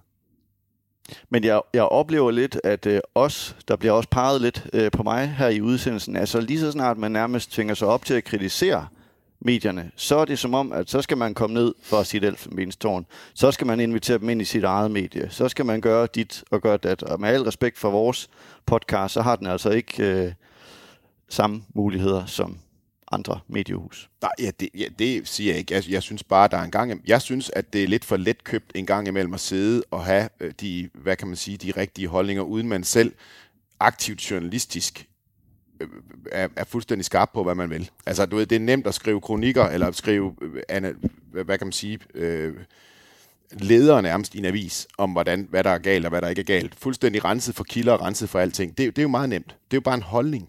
Mm. Øh, det, det, det, det kan vi jo alle sammen finde ud af. Det er svært at lave journalistik omkring det. Men det, hvis ikke der var nogen, der havde den holdning, så tvivler det på, at vi havde siddet her i dag. Jamen, nu, nu, må, du, nu må du heller ikke blive pigefornærmet, bare, eller tyndhudet, bare fordi jeg stikker lidt til dig, fordi altså et eller andet sted, har... at, at, at, at, selvfølgelig skal vi have den debat, og det er også derfor, at vi rigtig gerne stiller op. Frederik, jeg er hverken tyndhudet, jeg, nu, nu snakker jeg også på vegne af mange andre, det er derfor, man er vært. Det er ikke kun mig selv, ja, ja, ja, der ja. taler. Øh, Hvor mange er I? Men, men, øh, ja, men jeg tror, der er flere derude, der vil sige, at øh, der er noget galt med dækningen. Men ja. altså, det, det, men, det er jo, men det er jo, mange af dem er jo selv journalister. De ja. kan jo bare gøre noget ved det. Ja de, de, kan jo bare, de kan jo bare lave noget journalistik, der er bedre. Øh, de har store medier i ryggen, de kan da bare gøre, gøre noget selv. Men, men det jeg prøver at sige, det er, at der, der er der behov for en øh, kritisk debat om dansk sportsjournalistik. Absolut. Og den, vel, den tager og, vi og, gerne imod. Og den oplever jeg, nu taler jeg så som mig selv, den oplever jeg ikke, at medierne selv tager. Det, oh. Ej, det synes jeg, det, det synes jeg simpelthen er urimeligt sagt. Altså, det, det, jeg, jeg, jeg synes simpelthen, det er urimeligt sagt. Og, og igen, jeg ved godt, jeg provokerer utrolig mange, og det, jeg gør det også lidt bevidst for at sige, altså, øh, der er bare noget, der er rigtig nemt at bare sidde og skrive med 140 tegn på Twitter, hvordan vi alle vi andre vi burde gøre det. Jeg synes egentlig, jeg er ret sikker på, at sådan helt bredt, så har vi et rigtig, rigtig fint også sportsjournalistisk niveau i Danmark, som jeg synes, mm. vi godt kan være stolte af. Jeg føler egentlig, at langt de fleste ting bliver taget alvorligt og dækket alvorligt, at folk, der rent faktisk ved ekstremt meget om det og er passionerede omkring det. Jeg tror også, du har hørt mig for lidt, hvis du ikke ved, hvor mange gange jeg både har rost TV2 og politikken. Nej, ja. Men, men jeg, jeg kan garantere dig for, at lige præcis det der, det er eddermame øh, en øh, samtale, vi har tit på vores redaktion. Øh, hvordan vi skal lave kritisk sportsjournalistik, og hvordan vi gør det, og gør vi det nu rigtigt, og vi kigger kritisk indad, og nogle gange øh, sparker jeg hårdt ind i et stolben, fordi vi har misset noget, eller glippet noget, eller ikke har ressourcer til også at være der. Og sådan er det jo bare. Vi kan, vi kan, ikke, vi kan jo ikke det hele, men det betyder jo ikke, at fordi der nogle gange er steder, vi ikke er, eller at du oplever, at vi er fraværende, eller at vi ikke stiller Brian Laudrup øh, kritiske spørgsmål, så handler det jo dels om rammen, og så handler det jo om, at, at nogle gange, så glipper vi bare noget. Men oplever så, du det samme som Frederik, at det er for nemt for de kritikere, der sidder derude og kritiserer journalistikken? Jeg vil sige, øh, jeg synes, jeg synes, jeg har oplevet, øh, oplevet journalister, der nogle gange har været ret højt oppe i elfenbenstårnet, som jeg aldrig har set en kritisk afslørende artikel fra. Det vil jeg gerne sige. Så har jeg ikke nævnt nogen navn. Okay, så kommer vi måske ikke de navn øh, nærmere. Lad os lige prøve i en sidste blok Det er også her. noget værligt navlebeskuende noget. Det er jo grundlæggende lige irrelevant et eller andet sted. Ikke? Altså det, det bliver jo lidt hurtigt sådan en lukket diskussionsklub, og det, det er jo nok ja. det, som, som, som på en eller anden måde godt kan provokere os begge to lidt. Ja. Altså, at der sidder nogen derude og, og prikker til den journalistik, der bliver det, lavet. Det må de gøre lige så tosset de vil, synes jeg, et eller andet sted. Det, man kan bare være, måske er der, måske er der få, der får for meget at skulle have sagt, fordi man ligesom øh, et eller andet sted, så, så, så, så, du ved, så man kan jo godt sidde om på den anden side af skrivebordet igen med far for at provokere alle mulige ting. Er det, er det, er det en generel holdning, eller er det nogle mange, meget få mennesker, der rent faktisk mener det her? Det kunne man jo godt øh, undersøge.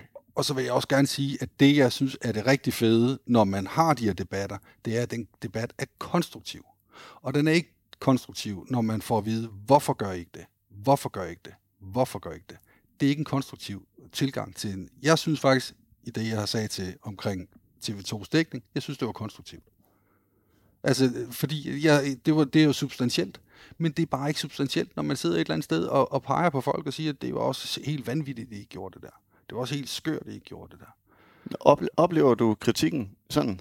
Nej, altså nu er det ikke, nu siger nu kan det være fra, fra øh, andre journalister, men jeg oplever det også fra læsere, mm. altså, der synes, at vi skal være alle steder hele tiden, og at vi ikke har været kritiske over for nogen. Og jeg oplever også lidt, jeg oplever også lidt kritikken, når du for eksempel kommer med din, dit spørgsmål til podcasten med Brian Laudrup, synes jeg, at, at det er, det er en fingerpegende kritik, fordi at du ikke kender rammen på forhånd. Jeg synes også, når du siger, hvorfor spørger ikke, altså hvorfor spørger ikke hele tiden, eller hvorfor spørger ikke Mikkel Hansen? Rammen, hvorfor, jamen, jeg kender jo rammen. Den handler om, at I vil belyse øh, tendenser i fodbold. Og så spørger jeg om en af de tendenser, I vil belyse, det er for eksempel ejerskaber eller bettingreklamer. Det er da et helt reelt, konstruktivt spørgsmål. Du kan svare, ja. nej, det gør vi ikke, fordi i, i aftalen der gør vi det ikke. Nu, nej, svaret er, at det ved jeg ikke. Nej, altså, ja, men, altså, det, det, men, det, men det er et helt det, reelt spørgsmål at stille, om den det del også bliver en del af en ny podcast på politikken, som har for vane for at være en kritisk dækkende sportsreaktion. Jamen, det igen, så vende tilbage til noget af det, jeg sagde aller, aller tidligst i udsendelsen, det er, at vi har altid et kritisk blik på, på, på tingene. Men kritik behøver jo ikke at være øh, negativt, eller at man skal klynge nogen op. Kritik kan jo også bare være at forholde sig nysgerrigt til for eksempel transfervinduet og stille åbne øh, kritiske spørgsmål, som folk kan svare på. Hvorfor gør I sådan der? Øh, har det virkelig, er det virkelig rimeligt, når man gør sådan? Øh, altså, jeg, jeg, jeg synes ikke, kritik det bare altid er, at man skal gå i kødet på FIFA eller gå i kødet på nogen. Det skal man også gøre, men kritik det er noget, der der burde gennemsyre alt, hvad vi foretager os i, øh, i vores fag. Det er vi enige om, tror jeg. Lad os lige prøve her i en sidste blok, bare lige at kigge på selve VM Qatar. I har berørt det flere gange, at øh, når det går i gang, så øh, vil der være ting, I ikke vil dække. Nogle mange journalistiske kræfter vil I lægge øh, op til og lave ting der. Øh, Christian, hos det nordjyske mediehus, der vil man gerne dække slutrunden, men man vil ikke sende folk til Katar. Sportsredaktør Claus Jensen, han siger, vi har tidligere dækket EM og VM slutrunder med tilstedeværelse, men det gør vi ikke denne gang. Vi mener, at man ved at tage det ned, også giver en slags støtte til Katar, og det ønsker vi ikke. Hvad tænker du om det? Jamen, det har jeg alt ære respekt for. Det må han sådan set godt synes. Øh, jeg synes, det er... Altså, personligt synes jeg, at det er, vil være et det vil fra politikens side være et politisk eller et journalistisk svigt ikke at, at troppe op i verdens brandpunkter.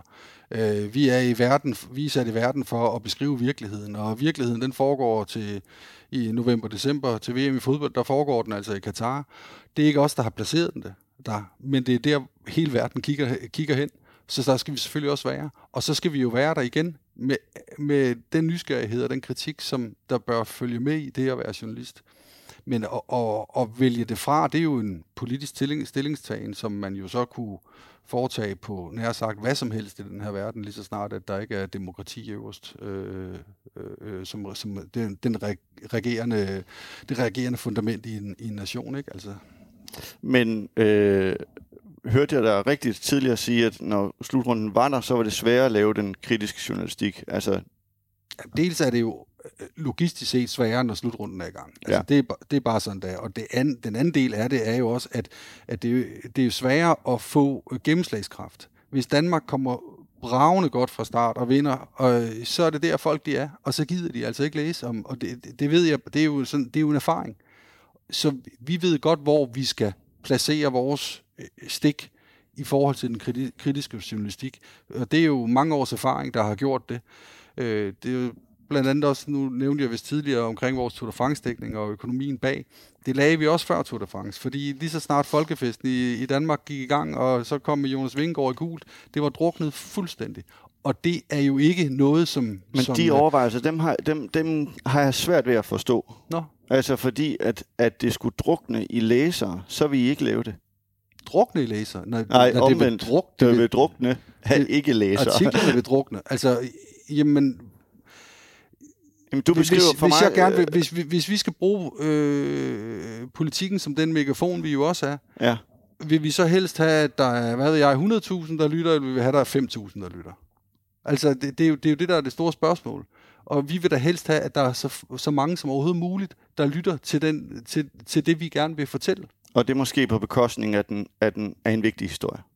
Nej, aldrig. Jamen, jeg hører dig sige, at øh, når slutrunden er i gang, så vil, I, øh, ikke, så vil I vælge der, hvor der er flest læsere. Det er det, I vil koncentrere jeres nyhedsdækning om. Nej, altså hvis der, hvis der sker noget, der er opsigtsvækkende, så er vi der der. Jeg siger bare, at alt det, vi forproducerer, al den kritiske journalistik, som vi allerede er gået i gang med og forberede, den kommer vi altså ikke til at ligge øh, efter Danmark har spillet deres åbningskamp. Fordi der er folk slet ikke. Der, der, der, der, der har de set fodbold. Der interesserer de sig for fodbold. Og, jeg spørger bare, bare øh, konstruktivt ja. nu ind i, om, om det er et journalistisk kriterie, hvor mange læsere der er. Nej. Jeg hører, okay. Nej, det er ikke, det er det ikke nødvendigvis. Okay. Men, men, det er der, men det, man skulle da være et skarn, hvis man, hvis man sagde, hvis man, hvis man begyndte at placere sin journalistik efter, hvor der var færrest. Altså, sådan fungerer det jo ikke. Nej, jeg, jeg altså, det, appellerer jo mål, lidt til det omvendte. Målet er jo, at vi, at at vi bringer vores oplysning ud til flest mulige mennesker. Ja. Det er jo vores drøm. At klæde folk bedst muligt på til for eksempel VM i Katar. Det er jo vores drøm. Det er det, vi gerne vil. Altså, øh, øh så hvad er vigtigst? Øh, resultatet af åbningskampen til VM i Katar, eller den politiske åbningsceremoni? Altså, det kommer jo an på, hvad der sker under den åbningsceremoni. Det, det, der har jeg ikke været, altså. Nej. Og ja, hvis, hvis åbningskampen er en røvsyg 0-0, og så, så ved jeg det jo heller ikke. Altså, sådan synes jeg altså, det er jo ikke et journalistisk kriterie at pege på en begivenhed og sige, at, den, at det der er vigtigere end det andet. Hvis der sker noget spektakulært under åbningsceremonien, så kan det sagtens være, at det, det er det vigtigste. Sagtens, sagtens, sagtens. Men jeg, jeg forstår ikke, hvorfor du gerne vil, så, meget, så gerne vil have placeret vores kritiske historie under VM-slutrunden i fodbold. Altså under den Altså, Fordi der sker jo, øh, øh, om ikke lige så meget politik, som der sker sportsresultater under en slutrunde. Jamen, det er der ingen, der siger, at vi ikke vil dække det. Jeg siger, at det, som vi kommer til at forproducere, det kommer vi da ikke til at ligge under VM-slutrunden i fodbold. Det er der, der ingen grund til. fordi at læserne ikke vil være der. Det er jo sådan, Fordi under VM-slutrunden, det er det, der sker. Så sker det. Okay. Ikke? Det sker her nu. Og hvis der er, hvis der er, en, er, er nogle fans, der løber hen over banen med, med regnbueflag, så er vi der jo også. Det sker. Okay. Så, så, så forstår jeg bedre. Så, så politiske øh, dele af slutrunden, under slutrunden, det er vi i dæk. Ja, selvfølgelig vil vi da dække det, hvis der, hvis der sker noget under VM-slutrunden, som er interessant. Og vi vil da ikke være blinde for vinkler overhovedet. Og jeg, jeg, jeg kan garantere dig for, at vi kommer også til at lave kritisk journalistik under slutrunden. Men vi kommer ikke til at sidde og forberede en masse ting, som vi vil små, lave små stik under slutrunden og sige, den skal ligge der, den skal ligge der, den skal ligge der. Fordi at det kan vi slet ikke styre. Og, øh, og, og det er formentlig slet ikke der, hvor folk de er. Men de er der, når der er to fans, der løber over banen med regnbueflag. Så kan jeg love dig, så er læserne der også. Det er godt. Frederik, har I gjort jer overvejelser i forhold til det her, jeg nævnte før, om, om man skal sende folk afsted eller ikke sende afsted? I er jo, som vi var inde på tidligere, et noget større hold. Øh, har der været andre overvejelser den her gang? Ja, jeg først skal vi gerne give et bud på, at jeg tror, vi kommer til at snakke mere om åbningsceremonien end åbningskampen. Øh, det, det tror jeg, vi gør. Ja. Øh, i, generelt i, i, i hele verden bagefter. Øh, og, og så vil jeg sige, ja, selvfølgelig har vi det, som jeg også sagde. Vi, vi kommer til at sende folk afsted. Jeg er meget enig med Christian. For os handler det også om at være til stede. Altså, vi, vi er jo medier, som, som gerne vil være der, hvor det sker, og føler egentlig også, at vi kan lave den bedste journalistik, ved vi er der, hvor det sker al mulig respekt for medier, der ønsker at blive hjemme, som dem du omtalte før, hvis det er det, de ønsker. Men, men, men, men det vil jo også sige, hvis man hvis vi lave et princip omkring det, så skulle man jo sige, så skal de heller ikke referere Ritzau, som står dernede, fordi så er det jo, så er det jo lige vidt, så handler det bare om at spare på rejsebudgettet. Mm. Altså, hvis, hvis der er noget... Jeg vil have respekt for, at vi boykotter det. Hvis, men, men, men hvis du så fylder hele avisen med Ritzau-artikler, så vil den, den almindelige læser formentlig skældner nok ikke imellem, om det er en fra, fra det lokale medie, eller om det er en fra Ritzau, der har skrevet det. Så det er jo fint nok.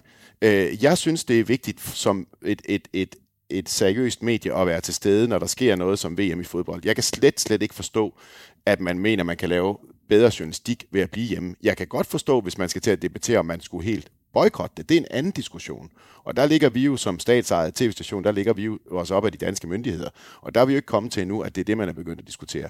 Jeg vil synes, det var ærgerligt, for hvis jeg var journalist, øh, øh, det er jo øh, uddannelse, men det fungerer ikke så, sådan rigtig længere. Hvis jeg var fungerende journalist, ville jeg synes, det var ærgerligt at sige, nu skal du lave en rigtig god dækning af VM i fodbold hjemme fra Kvægetorv i Odense. Held og lykke med det. Har, har I diskuteret, om der var dele af, af redaktionen, som ikke skulle afsted? Altså har I for eksempel, øh, jeg ved ikke, hvordan det, det er for TV2 om rettighedshaver, altså om man skal have studie i gaderne dernede, eller... Ja, vi- det, det har vi diskuteret, som jeg, jeg tror også, jeg sagde det indledningsvis. Havde det været VM i Tyskland, så havde vi nok haft flere folk afsted, end vi vil have i VM i Katar. Det er der rigtig mange gode grunde til. Mm. Øh, der er også bare det, at i Katar, øh, vi er rigtig ærgerlige over, at det ligger i Katar, men vi har jo aldrig oplevet, at der er 50 km mellem hver stadion. Altså, så, så meget af det der logistik, der plejer at være forbundet med et VM i fodbold, det er der jo slet ikke dernede. Øh, men vi kommer til at være færre til stede. Vi kommer formentlig også til at flyve nogen frem og tilbage, som når vi har en kamp, vi deler jo rettighederne med Danmarks Radio, når vi har en kamp, blandt andet Frankrig og Danmark har vi, der kunne jeg forestille mig, at vi flyver nogen, der er ned og er til stede på stadion den dag, og så flyver dem hjem igen. Så, så altså, men igen, det, det, det, er, jo, det er jo planlægning, øh, og der er jo mange ting, der spiller ind her. Øh, men, men ja, vi havde været flere mennesker afsted, hvis det havde været i Tyskland. Du nævnte selv øh, åbningsceremonien lige før. Øh, er det noget, I har gjort til særlig overvejelse den her gang, siden du nævner, at den vil I måske dække mere end åbningskampen? Måske fordi I ikke har åbningskampen, det, ved jeg Det, ikke. det, det har vi faktisk, men det var, nej, det var grundlæggende en, en, en, et forsøg på at gøre mig lidt munter. Måske var det helt... Altså, det er jo ikke, det er jo ikke verdens mest spændende på papiret åbningskamp, vi skal se i år. Altså, det er det heller ikke, nej. altså, så, så, så jeg tænker, at øh, mit bedste bud vil være, at, at, at verden vil være mere optaget af at se, hvordan Katar vil forsøge at promovere sig selv og, og, og, øh, under åbningsceremonien, eller om Katar de vinder deres åbningskamp. Det tænker jeg. Mm. Øh, ja, vi sender åbningskampen, øh, og vi sender også øh, åbningsceremonien, og vi skal nok tage os kærligt af, af begge dele. Gør I overvejelser derom, hvordan man øh, for eksempel caster sådan et øh, kommentatorpar? Så vidt jeg husker øh, OL i Beijing i 2008, der havde I Dennis Ritter, som vi talte om øh, tidligere, så havde I faktisk, øh, nu kan jeg ikke huske navnet på hende, men en, en ekspert i kinesisk historie og kultur. Ja, det ville være oplagt. Igen, øh, jeg sidder ikke på fodboldredaktionen, og, og igen, vi er ikke færdige med at sætte holdet, men selvfølgelig vil vi gerne kunne formidle åbningsceremonien også med et kritisk syn øh, i forhold til, hvad det er, man skal stå model til, ligesom vi jo også plejer at gøre på øh, ja, OL, øh, hvor, hvor åbningsceremonien betyder lidt mere, end den gør i fodbold i virkeligheden. Nogle sidste kommentar? Eller så? Jamen, det vil, altså det, jeg vil bare tilslutte mig det, og jeg vil da også lige sige, at øh, i forbindelse med OL i Beijing, der renter jeg da også, at du, øh, du tog del i politikens spalter, øh, netop omkring åbningsceremonien, så vi dækkede ret intenst. Jeg tror faktisk, vi gjorde det samme under OL i Tokyo, og, og, og, og det gør vi jo stort set hver gang, fordi det er jo, det er jo den store politiske paradeplads, og det er jo der, hvor der bliver sagt hvad man nogle gange kan mene er uhyreligheder. Og øh, det gjorde øh, TV2 i øvrigt også med Vind faktisk studietid, hvor I gav ret god, ret god plads til at diskutere de politiske dele ved åbningsceremonien ved Vind i Beijing. Og øh, det leder jo tilbage til, at jeg i mange henseender har både rost og kritiseret TV2. Vi, vi, vi, du er, vi, vi er også tyndhudet. Vi hører bedst, når du kritiserer os. Ja, vi, vi er glade for debatten, det skal der ikke være nogen tvivl om. Og, og det er en sund debat, og det er dejligt, vi kan have de her debatter, fordi vi kan kun blive klogere alle sammen. Og vi kan også på TV2, vi, kan da, vi arbejder der hver dag på at blive dygtigere og dygtigere til at få alle sider med af sådan noget her. Og jeg bliver også klogere. Og nu sagde du faktisk tidligere, at I ikke havde gjort noget endnu for at klæde jeres øh, medarbejdere på, men I havde jo faktisk en workshop i vi havde en workshop, sommerworkshop, som ja. handlede om sportswashing, hvor jeg ved ikke, om du selv var deltog. Det var Og det var selvfølgelig, det var ikke bare, det var ikke myndet direkte mod VM Nej. i fodbold, men, men det er jo for at sige, det er et begreb, som bliver mere og mere interessant for os, især journalistisk, men også for, for alle, der holder af sport, og, og i virkeligheden måske faretroen, om man vil, for sportens verden. Øhm, og derfor så, så havde vi en sommerworkshop, øh, som handlede om det her, men, men noget helt målrettet ind mod Katar har vi ikke øh, haft endnu, men det er jeg sikker på, at vi nok skal få. Og med de ord, så øh, vil jeg gerne sige tak til Frederik Larsen for TV2. Og Selv tak. Christian Heidi Jørgensen for Politikken. Og øh, Selv tak. tak til jer lyttere, som lyttede med derude. Husk at hoppe ind på kanalen og trykke abonner, så kommer der snart nye afsnit i kanalen. Vi høres ved. Udsendelsen, du lige har hørt, var produceret af Idrættens Analyseinstitut og bragt i samarbejde med Mediano. Husk, at formatet Sport og Perspektiv fremover udkommer her i kanalen Mediano 2. Tusind tak, fordi du har lyttet med.